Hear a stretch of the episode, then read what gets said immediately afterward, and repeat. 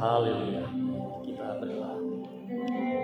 Biar Tuhan ucapan terima kasih yang keluar dari lubuk hati kami yang paling dalam boleh kau terima Tuhan. Kalau kami bisa memuji menyembah Tuhan, kami percaya itu karena anugerah dan pertolongan Tuhan. Kami percaya Tuhan kau hadir di tengah-tengah pujian umatmu. Dan ketika Tuhan hadir, Tuhan akan bersabda buat kami semua. Kami sangat-sangat membutuhkan sabda firman-Mu Tuhan.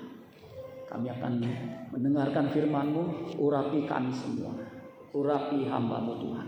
Sehingga apa yang keluar dari mulut hamba-Mu ini adalah firman yang Tuhan ingin kami dengarkan dan lakukan. Terima kasih Bapak di surga untuk kebaikan. Di dalam nama Tuhan Yesus kami berdoa mengucap syukur. Haleluya. Yang percaya diberkati berkata, ah, tepuk tangan buat Tuhan Yesus. Silakan duduk saudara sekalian. Saya boleh buka masker ya saudara.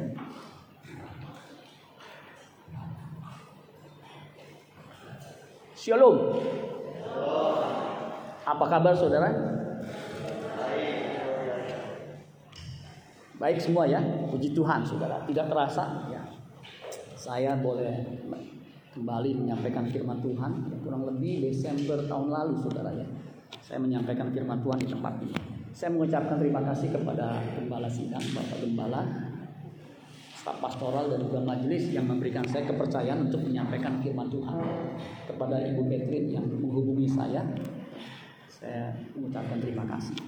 Saudara-saudara sekalian, tema yang diberikan kepada saya untuk disampaikan adalah iman yang menyembuhkan. Apa temanya? Iman yang menyembuhkan. Apa itu iman yang menyembuhkan? Ya, bagaimana iman kita bisa menyembuhkan ya, sakit penyakit kita? Sebenarnya sakit penyakit yang kita alami itu sakit apa? Apakah fisik? Apakah penyakit non fisik? Ya. Apa perbedaannya antara sakit fisik sama sakit jiwa? Perbedaannya apa? Persamaannya apa? Ya, kalau sakit, mau sakit fisik maupun sakit jiwa, sama-sama membuat kita menderita. Ya, saya pernah sakit 21 hari, nggak bisa tidur, mata saya melotot. Sakit lever. Untung bukan hepatitis. Itu sangat menderita.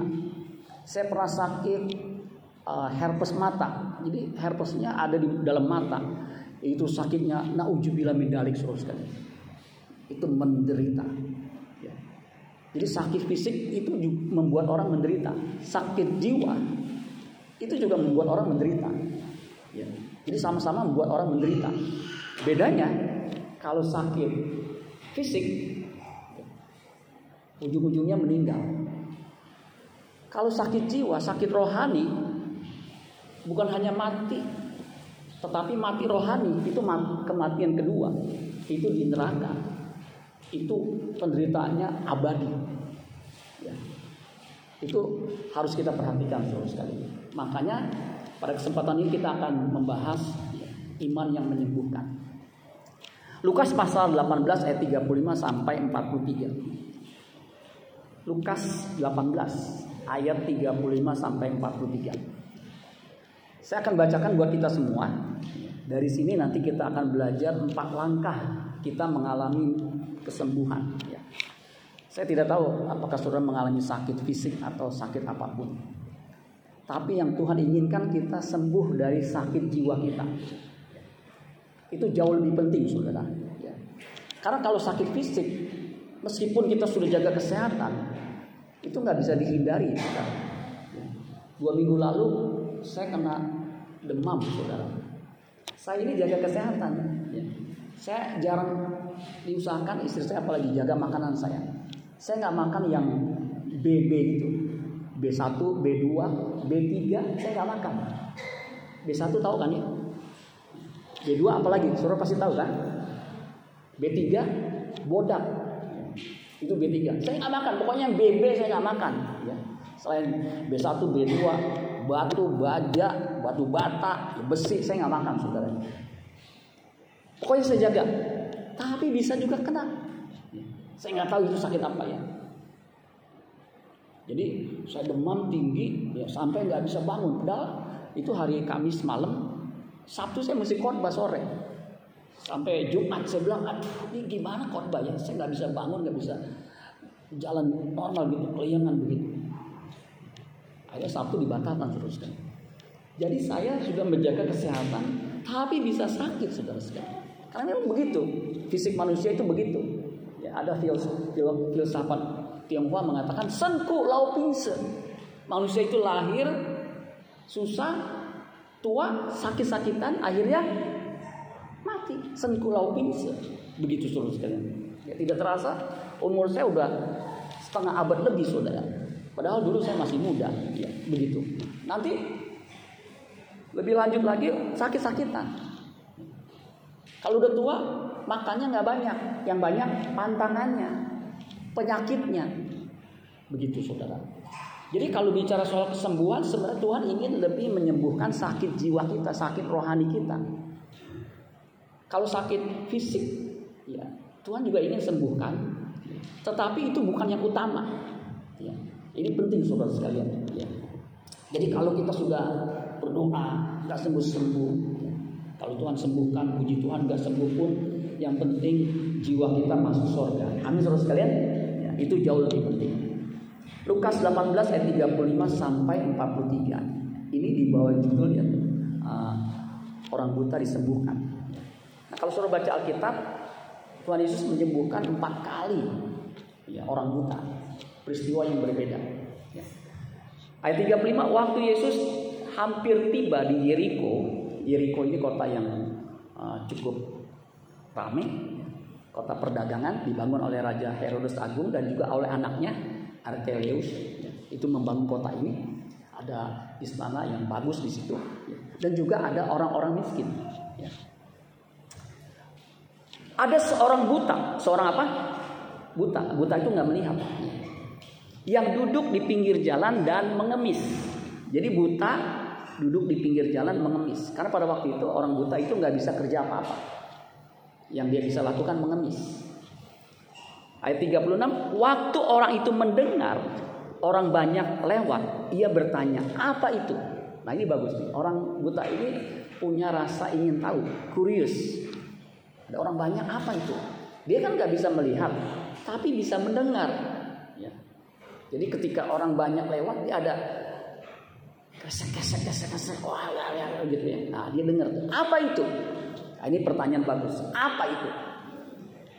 Kata orang kepadanya, Yesus orang Nazaret lewat. Yesus dikenal sebagai orang Nazaret karena dia dibesarkan di Nazaret walaupun lahirnya di di Bethlehem. Makanya terkenalnya orang Nazaret. Lalu ia berseru, Yesus anak Daud, kasihanilah aku. Sebutan anak Daud itu sebutan untuk Mesias. Mesias yang dijanjikan itu keturunan Daud, anak Daud, makanya disebut anak Daud. Kasihanilah aku. Ayat 39. Maka mereka yang berjalan di depan menegur dia supaya ia diam. Jadi ternyata orang-orang itu men, men, apa, menegur dia supaya diam, ya diabaikan. Namun, saya suka ada kata namun. Ini kata penghubung ya, yang menghubungkan kalimat yang bertentangan.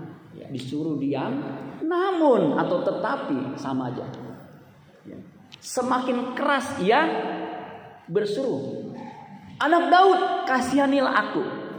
Jadi makin keras. Ini luar biasa. Ya. Lalu Yesus berhenti. Jadi makin keras sampai Yesus berhenti. Makanya judul yang diberikan kepada saya ini tepat. Ya, berseru sampai Yesus berhenti itu berarti punya iman. Ya. Luar biasa nih saudara. Ya. Ayat tadi, ayat. lalu Yesus berhenti dan menyuruh orang, menyuruh membawa orang itu kepadanya, disuruh datang. Dan ketika ia berada di dekatnya, Yesus bertanya kepadanya, apa yang kau kehendaki supaya aku perbuat bagimu? Jawab, jawab orang itu, Tuhan, supaya aku dapat melihat. Saya renungkan kenapa Yesus tanya, udah tahu buta ya, pasti dia maunya sembuh. Betul nggak saudara? Orang buta pada waktu itu keinginannya satu, ingin melihat. Nah orang buta ini saya yakin dia juga baca kitab Nabi. Karena di Alkitab Yesaya itu Yesaya 35 ciri Mesias yang akan datang itu dia melakukan mujizat. Itu tandanya.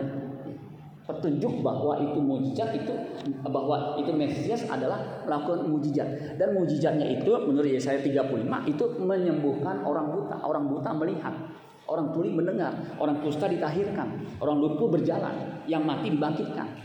Nah dia yakin. Ini pasti kalau Mesias dia bisa menyembuhkan sakitnya makanya ketika ditanya apa yang kau kehendaki supaya aku perbuat bagimu dia menjawab apa saudara? Ya. Jawab orang itu, Tuhan supaya aku dapat melihat. Lord, I want to receive my sight. Tuhan, aku mau menerima kembali penglihatanku. Aku mau melihat. Ya, itu jelas keinginannya. Ya. Lalu kata Yesus kepadanya, melihatlah engkau. Jadi Yesus enggak menjamah, enggak melakukan sesuatu, berkata, melihatlah engkau. Apa yang terjadi seterusnya? Melihatlah engkau, imanmu telah menyelamatkan engkau. Nah, kata menyelamatkan di sini dari bahasa Yunani-nya sozo. Ya. Sozo itu bisa artinya to save, bisa juga to heal, menyembuhkan. Makanya tepat iman yang menyembuhkan. Karena memang imanmu telah menyembuhkan engkau atau menyelamatkan engkau. Ayat terakhir dan seketika itu juga, jadi Yesus tanpa menjamah. Dan seketika itu juga, artinya immediately. Melihatlah ia, lalu mengikuti dia sambil apa? Memuliakan Allah. Seluruh rakyat melihat hal itu dan memuji-muji Allah. Nah, sudah terus sekalian, ini luar biasa terus sekalian. Orang buta ini sembuh. Padahal pada waktu itu Orang buta itu hampir tidak mungkin disembuhkan secara medis, hampir tidak mungkin, bahkan nggak mungkin ya, disembuhkan. Makanya dia yakin kalau Mesias datang pasti bisa menyembuhkan, karena itu dinubuatkan oleh Yesaya pasal 35, ya, bukan Yesaya 44 ya. Yesaya 35, saudara itu jelas. Ya. Nanti Mesias datang, yang buta akan melihat. Dan orang buta ini dia baca Alkitab, kitab Nabi, dia yakin dan memang betul Yesus itu penyembuh. Jehovah Rafa, Allah yang menyembuhkan. Nah, ada empat langkah saudara sekalian bagaimana iman yang kita miliki itu menyembuhkan kita. Yang pertama di ayat yang ke-38, lalu ia berseru, "Yesus anak Daud, kasihanilah aku." Sebelum dia berseru, dia dipanggil untuk datang kepada Yesus. Jadi saudara sekalian, kalau kita mau mengalami iman yang menyembuhkan, kita harus datang kemudian berseru kepada Yesus. Kalau di bagian lain di Markus 10 ayat 47 itu dikatakan ya, Markus 10 ayat 47 ini perikop yang sama tentang penyembuhan. Memang versinya beda. Ada yang dua disebutkan, ada yang satu, bahkan disebutkan namanya. Di Markus itu disebutkan namanya yaitu Bartimius. Itu kemungkinan menurut para ahli teologi itu sama peristiwanya. Sedangkan kesembuhan orang buta yang lain yang ketiga itu beda. Ya. Nah di Markus 10 ayat 47 dikatakan begini. Ketika didengarnya bahwa itu adalah Yesus, orang Nazaret, mulailah ia berseru. Yesus anak Daud, kasihanilah Jadi kalau saudara mau mengalami ya, iman yang menyembuhkan, datang dan berseru kepada Tuhan. Amin saudara sekarang bisa diklik. PPT, PPT saya sebenarnya cuma satu saudara sekalian ya. Cuma ada judulnya, ada isinya, nah isinya cuma satu tuh, satu PPT. Kemudian saya ulang, kemudian amin. Tolong diklik saudara. Jadi kalau mau mengalami kesembuhan, iman yang menyembuhkan, saudara mesti datang kepada Yesus. Amin. Dia Jehovah Rafa, Allah yang menyembuhkan. Dia Allah yang penuh belas kasihan. Karena apa? The basis of Jesus mission was compassion. Itu yang menggerakkan Yesus melakukan mujizat. Itu belas kasihan. Kalau kita baca Matius pasal 20 ayat 34, itu perikop yang sama, kisah yang sama, cuma diceritakan oleh Matius. Yang tadi kita baca adalah Lukas. Nah, Injil sinoptik ini, ya, Matius, Markus, Lukas itu menceritakan peristiwa yang sama itu dengan versi yang berbeda. Nah, di Matius 20 ayat 34 itu Yang membuat Yesus ketika orang datang dia berhenti kemudian menyembuhkan ini dasarnya yaitu maka tergeraklah hati Yesus oleh belas kasihan. Jadi belas kasihan Yesus itu dasar ya, mujizat itu terjadi. Belas kasihan itu bahasa Inggrisnya compassion. Compassion itu dari dua kata, com bersama with passion itu menderita. Jadi bersama-sama merasakan penderitaan orang lain itu compassion. Makanya ketika Yesus melihat orang buta, dia merasakan penderitaan. Bagaimana kalau saya buta? Kalau saya buta gimana? Saya bagaimana bisa melakukan misi yang Allah Bapak kehendaki? Nggak mungkin aku buta. Makanya ketika dia melihat timbul belas kasihannya, jadilah sembuh. Sembuh orang buta itu. Amin saudara sekalian. Jadi the best mission of Jesus Christ adalah compassion. Jadi saudara mesti datang ingat Yesus itu punya belas kasihan. Kalau suruh baca itu di beberapa kesempatan ketika melihat orang orang kusta, Alkitab mengatakan Markus 1 ayat 41, tergeraklah hatinya oleh belas kasihan. Karena the basis of Jesus mission, misi Yesus itu adalah compassion, belas kasihan. Ketika melihat janda yang anaknya ditinggalkan, yang yang yang anaknya mati, ia ditinggalkan oleh anak tunggalnya itu. So bisa bayangin, janda Janda itu kan nggak punya suami, betul nggak? Kalau janda punya suami namanya janda genit, nggak punya suami. Anaknya satu, tunggal, enggak dua. Harapan satu-satunya meninggal. Nangisnya kira-kira gimana? Enggak kebayang. Saya pernah ya, disuruh datang untuk memakamkan anak remaja umur 14 tahun meninggal saya nggak bisa ngomong. Mau ngomong apa saudara? Nangisnya sampai begini. Papa. Ngomong sama saya. Bukan ngomong sama bapak disuruh. Bapak. Ya bu. Saya bisa ngerti bu. Yang tabah bu. Maksud saya kan menghibur. Bagaimana bisa tabah papa pendeta? Saya nggak bisa ngomong. Anaknya ganteng tinggi. Waduh. Aduh ketika mau dikubur dia mau masuk. Bah itu pedih saya. Khotbahnya juga susah. Mau ngomong apa saudara? Nah Yesus tuh melihat janda anaknya meninggal satu loh. Ya susah. Makanya Alkitab mengatakan ketika Tuhan melihat janda itu ya, Lukas 7 ayat 30 ayat 13 tergeraklah hatinya oleh belas kasihan dan suruh saya baca selanjutnya Tuhan menyembuhkan. Ketika Tuhan melihat orang banyak mengikuti dia, ada 5000 orang ikutin dia, begitu banyak saudara. Mereka belum makan. Seharian dengar firman, belum makan.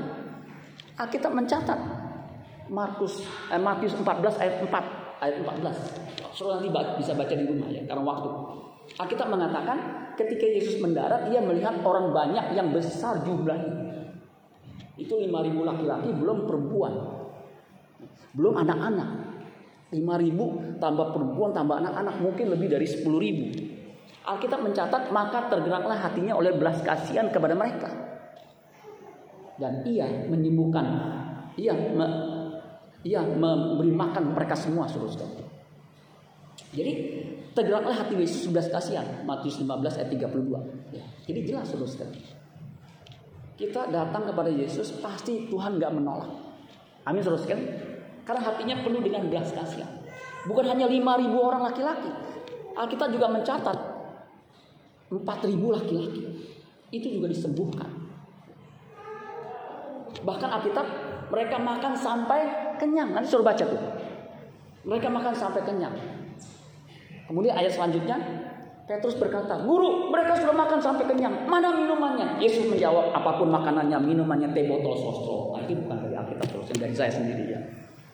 Jadi, Yesus berhenti karena tergerak oleh belas kasihan. Makanya saudara kalau ada kesulitan apa pun masalah saudara, datang berseru kepada Tuhan. Amin. Jangan ngandalin manusia. Suruh kecewa. Karena manusia bisa mengecewakan, tetapi Tuhan tidak mengecewakan kita. Amin saudara sekalian. Kayaknya tegang semua nih saudara ya. ya jadi agak santai dikit saudara. Yang kedua, diklik. Kelihatan ya? Oh kecil ya. Yang kedua, jangan pernah menyerah. Jangan putus asa. Never give up. Buktinya apa? Di ayat 39 Lukas 18, maka mereka yang berjalan di depan menegur dia supaya diam. Namun semakin keras ia berseru anak Daud kasihani aku. Jadi saudara sekalian jangan menyerah, jangan putus asa, jangan mundur, never back down, jangan mundur, maju terus dalam iman. Amin saudara sekalian. Kenapa? Karena Tuhan itu punya banyak metode untuk menyembuhkan. Jadi jangan ngarapin satu metode. Saya baca Alkitab suruh sekali ini. Tuhan menyembuhkan. Kalau tadi kan cuma melihatlah tanpa menjamah. Di bagian lain, Yesus itu menjamah mata orang buta. Kemudian sembuh. Di bagian lain, di Yohanes pasal 9, Yesus menyembuhkan dengan cara yang ekstrim. Orang buta. Buta sejak lahir, Yesus meludahnya ke tanah. Waktu itu kan nggak ada aspal, belum ada aspal. Ke tanah, kemudian diaduk ludah dengan tanahnya sehingga jadi sah, salep, salep seperti salep mata. Kemudian diolesin ke mata orang buta yang sejak lahir itu. Kemudian dia bilang, basuh di kolam Siloam. Siloam itu artinya yang diutus. Kemudian dibasuh, dia kembali dengan dengan mata yang bisa melihat. Itu Alkitab yang tulis, saudara. Itu metodenya. Kemudian ada lagi terus sekalian di bagian lain. Kalau tadi kan tanpa menjamah, ada yang menjamah, ada yang dengan cara ekstrim, ada lagi langsung. Ini pendeta nggak boleh coba-coba. Orang buta datang dibawa sama orang yang melek ke tempat ketemu Yesus. Yesus ajak orang buta tadi itu keluar kampung.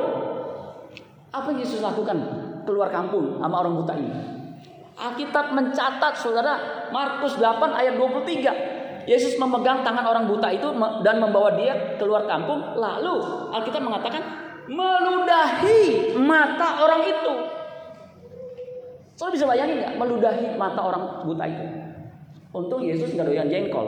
Ya, kok bapak tahu? Jarang orang suka jengkol. Apakah ada pohon jengkol di sana? Lalu Yesus doyan jengkol. Aduh, so bisa penderitanya gimana tuh? Saya kalau kalau khotbah minggu, saya nggak akan makan pete atau jengkol. Ya. Takutnya ketika ada altar call, saya doain bukan sembuh malah dikeluar saudara sekalian. Yesus meludahi mata orang buta itu dan meletakkan tangannya atasnya dan bertanya, "Sudahkah kau lihat sesuatu?" Nanya lagi, ya. Sampai dua kali. Belum. Itu orang apa pohon kagak jelas. Kemudian dia pegang lagi pakai ludahnya, dioles-oles gitu. Udah lihat belum? Pas dia buka, nyelek. Makanya jangan putus asa. Yesus bisa melakukan banyak metode. Amin terus kalian. Dia Allah yang kreatif. Kalau buta sejak lahir, itu butuh yang namanya kreatif miracle, kesembuhan kreatif. Artinya penciptaan. Dia Allah yang menciptakan. Dia sanggup menyembuhkan. Ya. Bahkan ada kisah nyata dicatat saudara sekalian ya. Dia buta. Dia sungguh-sungguh berdoa. Belum dijawab tapi dia tetap teguh. Ya. Melayani dan sungguh-sungguh. Dia menikah. Dia dok, dia support suaminya juga pelayanan. Apa yang terjadi? Suatu malam dia berdoa, itu air matanya keluar tanpa henti. Ya. Kemudian ketika dia begitu saudara sekalian, itu dia bisa melihat. Jadi bukan 2000 tahun lalu saja Tuhan menyembuhkan mata orang buta. Tetapi itu mujizat dicatat. Saya baca di Mansor uh, tahun berapa Sebenarnya luar biasanya. Mujizat bisa terjadi. Karena apa? Belas kasihan Tuhan Yesus Tuhan sanggup melakukan banyak metode. Makanya jangan pernah menyerah di dalam Tuhan. Amin. Saudara kita harus maju terus, pantang mundur. Kalau orang yang tekun, Ya, orang yang punya ketekunan, iman harus ditambahkan bukan hanya kebaikan tapi juga ketekunan. Itu membuat kita mengalami kesembuhan, ya, mengalami mujizat, saudara sekalian. Ya. Memang kalau kita mau beribadah, kita akan mengalami aniaya. 2 Timotius 3 ayat 12. Makanya kita mesti tekun. Amin saudara. Jangan lembek. Hujan dikit kagak datang. Aduh, itu bukan Kristen domba, Kristen kambing, takut hujan. Di sini mah nggak ada saudara. Amin. Ini puji Tuhan ibadah uh, lumayan penuh. Hasil survei mengatakan setelah pandemi satu bulan terakhir ini, ketika setelah pandemi kemudian uh, dibolehkan untuk ibadah, hasil survei mengatakan 10% jemaat tidak balik lagi beribadah. Udah sekian lama dibuka onsite nggak balik lagi. Saya tadi ngomong sama Ibu Catherine, memang hasil survei begitu. Saya sendiri besuk datang. Bapak kenapa nggak datang? Online. Bapak kan sehat. Online. Jawabnya online, bukannya online. Online. Online. Saya bilang datang Pak, beda Pak kalau online sama Pak kan dengan firman Tuhan. Ya debat kusir jadinya sama beda, sama beda. Ya terserah dah apa lo kata deh. Saya cuma bilang begitu. Saya bilang adik saya tuh stroke, kalau jalan tuh susah. Dia lagi pimpin pujian itu lima tahun lalu. Dia WL yang luar biasa. Tiba-tiba saya duduk depan. Itu saya dia begini, saya, uh, tensinya naik 190 dibawa ke UGD, stroke terus Itu dia berusaha datang walaupun susah-susah. Eh yang sehat nggak datang. Kalau Oma Irama terlalu. Di sini luar biasa nih datang semua. Beda onsite sama online beda saudara. Kalau online, kalau kebaktian kita tergelitik untuk apa? Terganggu, distraknya banyak. Ada neng neng neng neng neng neng. Ini bakso apa es ya? Gitu tuh. Tuh, terganggu. Tiba-tiba HP-nya bunyi. Notifikasi. Siapa ya? Siapa ya? Siapa? Terpaksa dilihat. Kan nggak konsentrasi. Kalau di sini kan masih bisa konsentrasi. Walaupun ada sebagian tidur, tidur. Ada. Saya dulu ya paling kesel kalau saya khotbah tidur. Duduknya paling depan lagi. Pernah ada satu jemaat tidur. Ya. Di depan begini.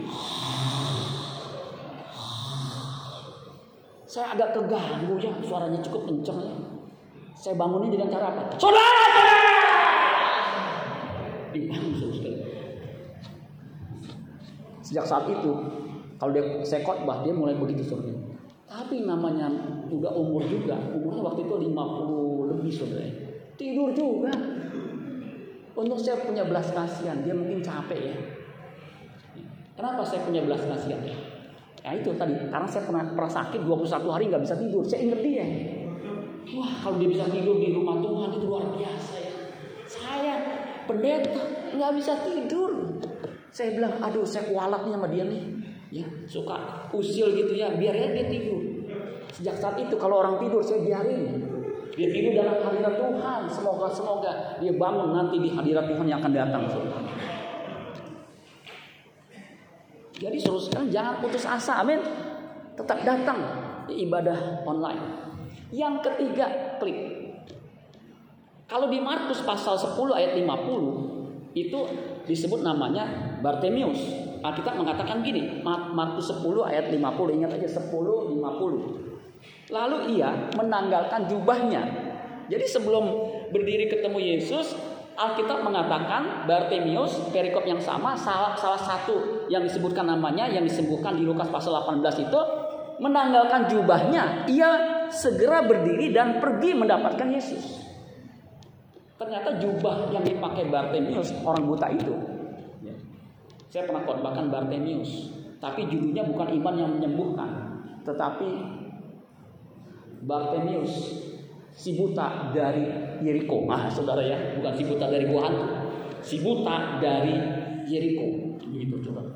Nah, dia menanggalkan jubahnya. Jubahnya itu ternyata bukan sembarang jubah. Itu sertifikat bahwa dia berhak untuk mengemis. Makanya imam ketika melihat memeriksa ini emang buta, bukannya buram, buta-buta remang-remang masih bisa melihat. Buta betul-betul. Ketika dilihat di tes ini berapa nih berapa ngelihat kemudian begini-begini Oh dia dengar tapi nggak bisa lihat dikasih sertifikat jubah pengemis. Jadi dia bisa berhak untuk ngemis. Kalau di kita kan lampu merah itu kadang-kadang orang datang ngemis padahal masih sehat. Katanya. Begitu saudara. Kadang-kadang kita serba salah. Kita kasih nanti kena undang-undang nggak boleh kasih ngemis di jalanan nggak dikasih. Aminah, Aminah, Aminah, Aminah, Aminah, Aminah, gitu terpaksa kita kasih juga. Sebab apa? Habis lampu merah tiga menit terus kan gimana? Itu kan sebenarnya nggak ada sertifikasinya. Kalau Bartibus ada sertifikasinya.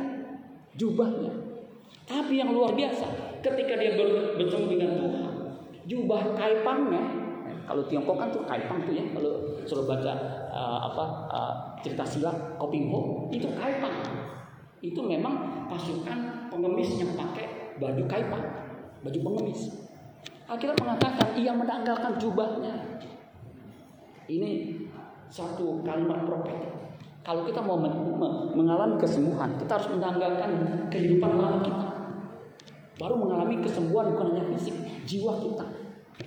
Tanggalkan kalau saudara sudah percaya Yesus punya iman ya, saudara harus menanggalkan kehidupan lama. Manusia lama ini kodrat dosa ini harus kita sendiri yang menanggalkannya. Jangan suruh orang. Kita mengatakan Bartimius membuka jubahnya. Padahal itu jubah modal dia bisa mendapatkan uang. Tapi dia ingin sekali mengalami kesembuhan. Alkitab dia menanggalkan jubahnya berdiri dan menghadap Yesus kalau saudara mau mengalami kesembuhan jiwa, saudara mengalami keselamatan yang total, yang sempurna, tanggalkan manusia lemah kita. Efesus 4 ayat 21. Karena kamu telah mendengar tentang dia dan menerima pengajaran di dalam dia menurut kebenaran yang nyata dalam Yesus. Kalau sudah menerima pengajaran firman Injil ayat 22 Efesus 4 yaitu bahwa kamu berhubung dengan kehidupan kamu yang dahulu harus menanggalkan manusia lama yang menemui kebinasaannya oleh nafsunya yang menyesatkan. Jadi harus menanggalkan manusia lama. Amin saudara sekalian. Kalau saudara mengaku pengikut Yesus, mengaku percaya Yesus, orang percaya believer harus menanggalkan manusia lama supaya kamu dibaharui dalam roh dan pikiranmu dan mengenakan manusia baru yang telah diciptakan menurut kehendak Allah di dalam kebenaran dan kekudusan yang sesungguhnya. Kalau saudara masih mengenakan jubah yang lama, manusia lama saudara yang namanya kodrat dosa yang punya kecenderungan tidak bisa tidak berbuat dosa kecenderungannya jahat non posek non pekare selalu mengalami keselamatan kesembuhan nggak bisa. Kan kematian Yesus menudungi dosa kita sehingga dosa kita tidak diperhitungkan lagi. Iya Yesus menanggung hukuman dosa tetapi hukum dosa kodrat dosa kecenderungan dalam dosa saudara sendiri harus menanggalkannya Jangan yakin, gua mah nanti pasti masuk surga udah percaya Yesus. Siapa yang dalam dia, dia akan membela kita sehingga kita tidak akan masuk neraka. Tapi kehidupannya kehidupan berdosa. Yang begini nih, yakin masuk surga tapi kehidupannya berdosa. Udah punya istri, tapi punya istri simpenan. Ya, kalau ke gereja yakin, uh begitu. Simpen di mana pak? Gak tahu. Saya emang selidiki dia. Dia simpan di desa. Namanya simpan simpenan perempuan desa. Gak tahu di desa. Kalau di kota si maskot, simpenan amoy satu kota. Tapi yakin nanti bisa masuk surga? Nggak bisa. Harus dilepaskan. Amin saudara sekalian. Jadi Kristen mabuk jalan terus. Ah ini bahaya. Mabuk itu akhirnya mengatakan harus ditinggalkan. Amin saudara sekalian. Yang luar biasa saudara sekalian. Ini saya lihat sendiri. Pernah saya agak marah. WL-nya belum datang. Kalau sini mau WL Pak Yunus sudah datang tuh. Saya belum datang udah jogrok di sini sudah siap-siap gitu. Ini saya waktu itu kebetulan saya ke khotbah. Saya bilang kenapa belum mulai ya? Saya ke belakang kan, koordinatornya. Maaf, ini kenapa belum mulai? WL-nya belum datang. Hah? Saya kan orang on time, bahkan in time. Saya udah datang lebih awal kan. Jogroknya begitu ya.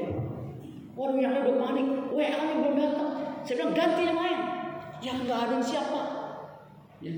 Saya sebenarnya agak ini juga. Ya udah gua aja deh, gua WL, gua ini, gua khotbah. Belum datang. Mau mulai jam berapa? Itu kan sewa gedung. Eh tiba-tiba datang, kucuk kucuk kucuk kucuk dia pilih sambil tanpa dosa. Ini. Saya masih ada di situ. Dia nanya yang agak penting lagi. Nanya apa? Om, saya pakai dasi atau enggak? Saya bilang, gak usah pakai dasi. Udah telat, Nanya om, saya pakai dasi atau enggak? Aduh. Saya bisikin koordinatornya, jangan pakai dia lagi. Kemudian selidik punya selidik. Malamnya dia dugem. Haji, haji, haji, haji, haji. Paginya kesiangan. Saya bilang kalau tahu saya saya tahu dia malamnya apa? Malamnya dugem, paginya mau pelayanan. Dia saya kalau Sabtu, Minggu, Sabtu saya usahakan tidur jangan malam-malam. Sebab apa? Mau khotbah nggak khotbah, saya mesti bangun pagi, saya siap-siap. Ini dia dugem, kesiangan. Datang, Pak, saya pakai dasar apa? Pertanyaan tidak penting. Jadi jangan sampai manusia lama kita itu masih melekat, tapi yakin nanti mati diselamatkan masuk surga. Susah nggak bisa, Tuhan lihat nggak mungkin. Kita harus mengandalkan mengambil bagian kekudusannya. Makanya prestasi utama, prestasi abadi kita harus mengejar kekudusan. Sebab tanpa kekudusan tidak mungkin atau tidak bisa orang melihat Allah melihat Tuhan. Artinya mengalami Tuhan nggak bisa. Nehi cing itu berjaya.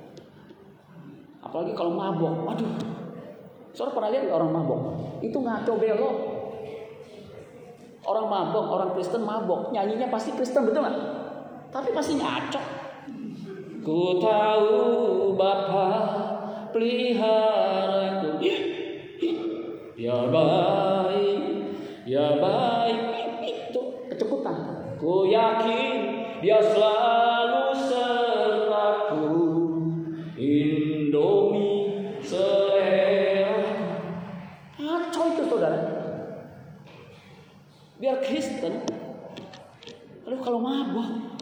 Ya telah mati dibangkitkan jarum Ini nyanyi ngaco-ngaco. Lu gitu besok pagi jadi WL. Lalu gimana? Kalau yang tadi pasti nggak mabuk karena jelas stres. Datang lebih awal. Betul nggak Pak Yunus ya? Wah berkati luar biasa semangat. Jadi seharusnya harus menanggalkan manusia lama. Amin saudara sekalian. Nggak bisa enggak. Ada seorang namanya Rian Tambunan. Kalau namanya Tambunan pasti orang Batak, betul nggak? Si Hotang, si Tohang, si Regar. Saudara tahu si Regar kan? Pasti orang Batak. Ini Tambunan. Dia dulu pengelola panti pijat plus. Kemudian pemakai ekstasi, dosis tinggi. Orang kalau pakai ekstasi, katanya, katanya itu merasa, uh happy, uh melayang. Bapak pernah coba? Enggak pernah. Enggak akan saya pernah coba, saudara. Dia kena sakit lever, sakit lever. Saya pernah kena tuh ya. Itu nggak bisa tidur 21 hari. Dia bilang, ah, gimana? Saya waktu sakit lever, saya bilang Tuhan panggil aja deh. Cuma istri saya ntar gimana ya? Saya bikin begitu. Aduh. Di situ dia bertemu Tuhan, dia bertobat. Sejak saat itu dia berkomitmen, ekstasi, dosis tinggi, dosis dosis rendah ditinggalkan. Bisnisnya panti pijat yang menguntungkan, menghasilkan uang, dia tinggalkan. Dia tinggalkan kehidupan papa. Dia sungguh-sungguh dalam Tuhan. Dia mengalami kesembuhan dari serosisnya. Serosis itu sebenarnya nggak bisa disembuhkan, nggak bisa. Itu namanya yang disebut incurable, nggak bisa disembuhkan. Tapi Tuhan sembuhkan. Kenapa? Dia, dia tanggalkan manusia lamanya. Dia betul-betul bertobat totalitas. Bertobat itu kan berbalik. Berbalik. Dia tinggal. Dia mengalami kesembuhan. Real. Namanya Rian Tabun. Luar biasa. Yang terakhir. Ayat 41. Ini yang terakhir. Lukas 18 ayat 41 bisa diklik ya. Apa yang kau kehendaki supaya aku perbuat bagimu? Jawab orang itu, Tuhan, supaya aku dapat melihat. Lalu kata Yesus kepadanya, melihatlah engkau, imanmu telah menyelamatkan engkau. Yang terakhir, nyatakan keinginanmu dengan iman.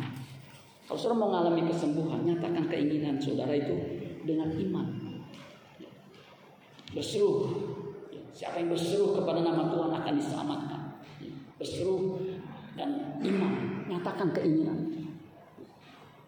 Saya berharap saudara punya keinginan satu, sembuhkan sakit jiwa, sakit hatiku, sakit yang menyebabkan aku bisa binasa. Kalau sakit fisik, kalau memang saudara ingin disembuhkan berdoa, nyatakan. Saya percaya mujizat masih terjadi. Amin saudara sekalian. Datang kepada Tuhan dengan iman. Iman timbul dari pendengaran, pendengaran kan firman, firman Kristus. Kalau kita dengar Injil, dengar firman, itu menimbulkan iman. Makanya kita perlu mendengar firman. Dalam ibadah yang paling penting itu firman. Kalau orang-orang Pentakosta, Pentakosta itu mengatakan begini, pemimpin pujian, kita akan masuk ke bagian yang terpenting. Ternya panjang. Ya. Kalau dia cari susah juga ya. Terpenting yaitu firman. Makanya saudara sekalian, iman timbul dari pendengaran itu betul. Pendengaran akan firman Kristus. Firman yang diurapi, yang menjadi remah itu bisa menimbulkan iman. Makanya orang yang pendarahan 12 tahun, 12 tahun atau berapa tahun tuh, asal ku jamah jubahnya aku sembuh. Itu iman saudara sekalian. Iman itu timbul dari pendengaran. Maka kita mesti mendengar firman lebih banyak. Apalagi di akhir-akhir zaman ini, di akhir ya, kalau menjelang pemilu 2024, ya, 2023 katanya ke depan itu gelap. Ya bagi kita yang percaya ya, di dalam Tuhan itu ada pengharapan bahwa kalau kita mengalami kesulitan, Tuhan bisa memberikan kita kekuatan. Amin, saudara Waktu pandemi itu memang luar biasa, saudara Apalagi pendeta. Ya. Ada pendeta itu sebulan itu bisa 100 kali khotbah. Ketika pandemi, nihil, nol. Saudara bisa bayangin. Nggak ada khotbah sama sekali. Dia bilang, aduh gimana ya? Ada pendeta senior, itu juga dosen saya waktu di STT. Dia sampai bilang begini, Pak Cecep. Ya, walaupun saya mahasiswanya dipanggil Pak Cecep. Aduh, ini sulit Pak Cecep. Pak ini bisa bantu saya berapa aja deh Pak. Ya. Saya bilang siap, Pak dosen. Saya kirim. Pak ini cuma sedikit ya. Oh terima kasih, amazing.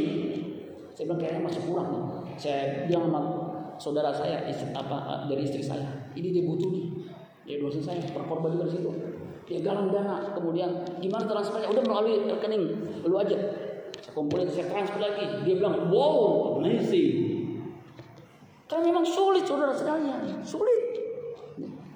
Kami aja ya, untuk bisa bisa bertahan istri saya masih jualan jualan kue. Jualan apa aja tuh? Anterin ke kompleks ya pakai mobil begitu. Ada yang bilang bapak nganterin kue pakai mobil mana untung? Saya pikir benar juga bensinnya kan mahal saudara sekali ya. saya jalan kaki saudara sekali lumayan. Ada buah mantan bos saya tuh pesen sampai 300 kue mangkok. 300 kue mangkok. Untungnya lumayan. Cuma pakai WA WA doang. Kemudian kirim gojek segala macam dapat lumayan. Habis kita mesti cari terobosan begitu saudara sekalian yang penting bisa makan minum. Amin saudara sekalian nggak keleleran.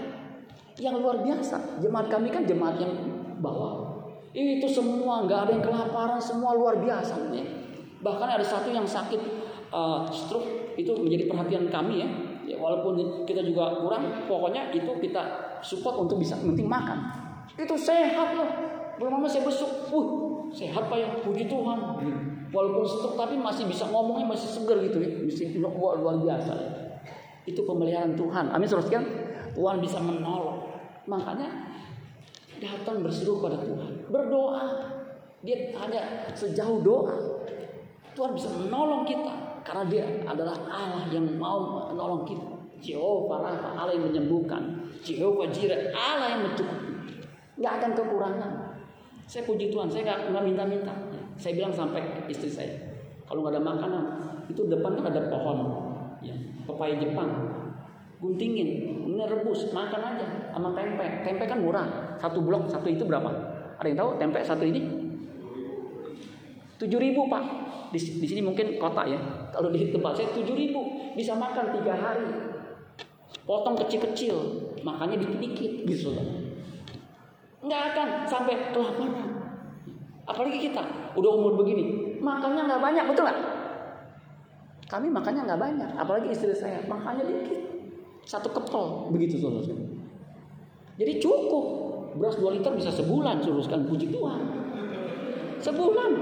Bahkan pernah saya beli satu karung 25 kilo. Itu kagak habis-habis sampai setengah bulan. Akhirnya dikutuin. Istri saya bilang, wah ini rugi kita nih. Kita nggak makan bagaimana, makan gimana. Beli 2 liter, 2 liter. Kenapa? Satu cup kecil, dia kan ngembang. Begitu terus sekalian. Jadi makan minumnya yang banyak terus kan lebih sehat. Ya. Puji Tuhan terus sekalian, ya, sehat. Ya. Apalagi udah tua makan gak boleh banyak-banyak. Yang banyak kan pantangannya. Pantangannya jangan dilanggar. Sehingga sehat. Perut gak usah gendut-gendut. Kenapa perut gendut? Makannya banyak, melebihi dari takaran. Jadi berhenti sebelum kenyang, berhenti. Saya berhenti sebelum kenyang karena memang dikasih dikit makanannya, makanya berhenti. Saya nggak lanjutin. Istri saya tuh ya pintar-pintar masak kadang-kadang juga begitu. Dia masak sendiri kan gak ada yungjen, gak ada pembantu. Semua saya kerjain sendiri sendiri, bagi-bagi begitu. Saya kadang-kadang ya, ya habis bersih-bersih cleaning service, ya, nama saya kan CS, Cecep Suparman itu CS cleaning service. Semua, kadang-kadang mobil saya kadang-kadang kan nyuci sendiri, apa sendiri semua, nyuci baju sendiri. Istri saya masak tuh ya, dia pede masak gitu. Saya kadang-kadang nggak tega juga, karena waktu menikah dia bilang, nanti kalau kita menikah, jangan suruh saya masak, gue bisa murka, begini, bukannya marah, murka. Saya bilang, udah nggak pernah saya suruh tuh sejak saat itu. Tapi karena nggak ada ini jadi nggak ada pembantu, dia masak sendiri. Itu masak dapur kayak kapal pecah berantakan. Saya bilang, ini masak sayur asem udah kayak kapal pecah. Selesai jam 2, dari jam 10 jam 2 baru kelar. Saya udah capek segala macam dia nanya lagi. Saya udah mau makan enggak? Mau pingsan mau. Jam 2 itu udah bukannya waktunya mau makan. Udah kecapean, maunya pingsan, mau tidur. Mesti jam 12 makan nih. Wah, udah siap makanan jam 2. Saya nggak ganggu dia karena dia kan pernah bilang jangan suruh gua masak. Komitmennya kan begitu. Kalau mau kawin sama gua, sama satu itu nggak boleh masak. Yang kedua, jangan piara anjing. Saya ini hobi anjing terus sekali. Waktu menikah dia mau menikah dia bilang, ingat ya, jangan piara anjing. Lu pilih mana? Piara anjing atau pilih piara gua? Ya, saya mau kawin sama dia ya pilih dia dong. Pas saya bilang saya piara anjing ya, gua batalin ya, begitu. Dia bisa kecewa, saya apalagi? Saya yang cinta berat sama dia. Sampai sekarang saya nggak ada anjing. Makanya kalau anjing tetangga saya ingin gitu. Saya akrab sama anjing. Istri saya udah pernah waktu pacaran ke rumah saya ada anjing. Dia naik ke sofa, udah kayak itu anjingnya begitu. Saya ini bergaul sama orang Batak, pernah makan anjing B1 saudara sekalian. Anjing yang berdekat saya, saya ketakutan. Habis makan B1 saudara sekalian, itu kan nyalinya kuat, betul nggak? Jadi saudara sekalian, mari kita nyatakan keinginan kita dalam Tuhan. Sebab Tuhan sanggup melakukan perkara-perkara ajaib. Bahkan apa yang tidak pernah dilihat oleh mata, eh tidak pernah dilihat telinga, bahkan yang tidak pernah timbul dalam hati, Tuhan sediakan. Bagi siapa? Bagi yang mengasihi Dia. Sepanjang kita mengasihi Dia, aman hidup kita. Tapi jangan coba-coba tidak mengasihi Tuhan. 1 Korintus 16 ayat 22. Terkutuklah orang yang tidak mengasihi Tuhan. Tapi sepanjang kita mengasihi Tuhan, kita akan mengalami kesembuhan, terutama kesembuhan sakit jiwa kita. Ada orang ya, ketika dia putus cinta, itu dia sakit hati, dia bunuh diri saudara Aduh, istri saya cerita ya saudaranya, sampai saya bilang, aduh, itu cantik lagi. Aduh, makanya saya kalau sama anak muda, kalau jatuh cinta, itu hanya dengan segenap hati. Kenapa? nggak segenap jiwa. Kalau segenap hati diputusin, cuma sakit hati. Kalau segenap jiwa diputusin sakit jiwa. Ya udahlah kalau diputusin cari lagi. Memang rasanya kalau diputusin sakit hatinya tuh di mana? Di sini, di sini, di sini susah. Tetapi Tuhan bisa menyembuhkan. Amin saudara sekalian. Di sini jangan sampai ya diputusin sakit hati, apalagi pria. Diputusin, nggak usah bunuh diri, nggak usah. Yang wanita apalagi jangan rugi. Dia mah udah enak-enak sama gebetan yang baru. Lah kita kalau langsung mati, kalau terjun dari lantai 10 nggak mati, nempel begini. Kenapa lu bunuh diri kagak berhasil? Ya gimana? Kan kesian, betul lah. Mendingan mati satu, tunggu seribu, cari lagi. Kalaupun enggak, kawin nggak kawin itu tidak menentukan keselamatan kita. Bapak mau enak udah kawin. Ya, saudara. Sekarang ini saudara sekalian, fokus pada kerajaan Allah. Kalau memang jodoh kita punya ya, pasangan hidup Tuhan kehendaki, kita akan lebih efektif lagi. Jangan sampai kita rajin ibadah jadi WL, jadi pemain musik ketika pacaran malah turun. Oh, itu lebih bahaya. Lebih baik diputusin. Cari yang membawa kita kepada kesucian. Membawa kita naik. Saya bersyukur ketika menikah sama istri saya ini, itu saya makin naik suruh sekalian. Karir saya makin naik. Sampai saya sebenarnya kalau saya lakonin itu bisa posisi puncak. Dia support sama saya. Support betul-betul. Kayak pelayanan ini, dia udah support. Kenapa? Kan dari pagi sampai siang. Gampang, dia beli pisang. Pisang kan paling gampang, betul nggak? Tinggal buka, set makan di mobil, betul nggak? Coba beli durian makannya gimana ini? Pisang, pisang murah lagi, saudara. Lagi murah karena lagi musim. Dia support. Jadi seluruh sekalian, kita datang kepada Tuhan, berseru kepada Tuhan, tanggalkan hidup, kehidupan kita yang lama. Percaya, Tuhan pasti menyembuhkan. Amin seluruh sekalian. Ayat yang terakhir bisa diklik. Di situ dikatakan begini. Nah, ini ini ayat yang paling terakhir. Tuhan itu datang bukan bukan untuk memanggil orang benar, melainkan orang berdosa. Jadi sebenarnya sakit berdosa kita itu yang kita harus harus sembuhkan, yang kita harus minta Tuhan sembuhkan. Di situ dikatakan begini. Ya. 1 Petrus 3 ini ayat yang terakhir. Ya, pemain musik bisa maju ke depan supaya bisa langsung disiapkan kuncinya G ya, Ibu Syuli ya. ya. Dikatakan begini, saudara bisa bisa dilihat di situ ya. 1 Petrus 2 ayat 24. Ia sendiri maksudnya maksudnya Yesus telah memikul dosa kita di dalam tubuhnya di kayu salib. Jadi yang dipikul oleh Yesus di kayu salib di dalam tubuhnya itu adalah dosa supaya kita yang telah mati terhadap dosa yang menanggalkan kehidupan lama kita itu ya. Alkitab mengatakan apa? Hidup untuk apa? Kebenaran. Jadi ciri orang yang disembuhkan sakit jiwanya, hidupnya untuk kebenaran. Makanya kalau hidupnya masih amburadul, itu jangan-jangan dia belum disembuhkan. Kalimat terakhir, oleh bilur-bilurnya kamu telah sembuh. Jadi yang sembuh itu sakit berdosa kita itu sakit jiwa kita itu. Kalau kita masih muda sakit hati, mudah kecewa, kepahitan. Jangan-jangan kita belum disembuhkan. Ketika Yohanes Pembaptis di penjara, dia utus muridnya datang kepada Yesus. Engkau yang akan datang itu atau kami menanti yang lain? Yesus berkata apa? Lihat, orang buta melihat. Orang lumpuh berjalan, yang kusta mahir, yang mati dibangkitkan. Ciri tanda Mesias yang akan datang, orang buta melihat. Nah saudara yang saat ini datang, saudara bisa melihat kebenaran. Saudara mengalami kesembuhan. Amin saudara Karena Yesus menyembuhkan sakit jiwa kita, rohani kita itu supaya kita hidup untuk kebenaran. Sebab hanya orang hidup untuk kebenaran, yang hidup dalam kebenaran yang akan memiliki kerajaan Allah. Amin saudara sekalian. Biar firman Tuhan ini boleh menyembuhkan kita supaya kita tetap di dalam Tuhan. Amin buat firman Tuhan. Tepuk tangan buat Tuhan Yesus. Saya undang kita bangkit berdiri. G.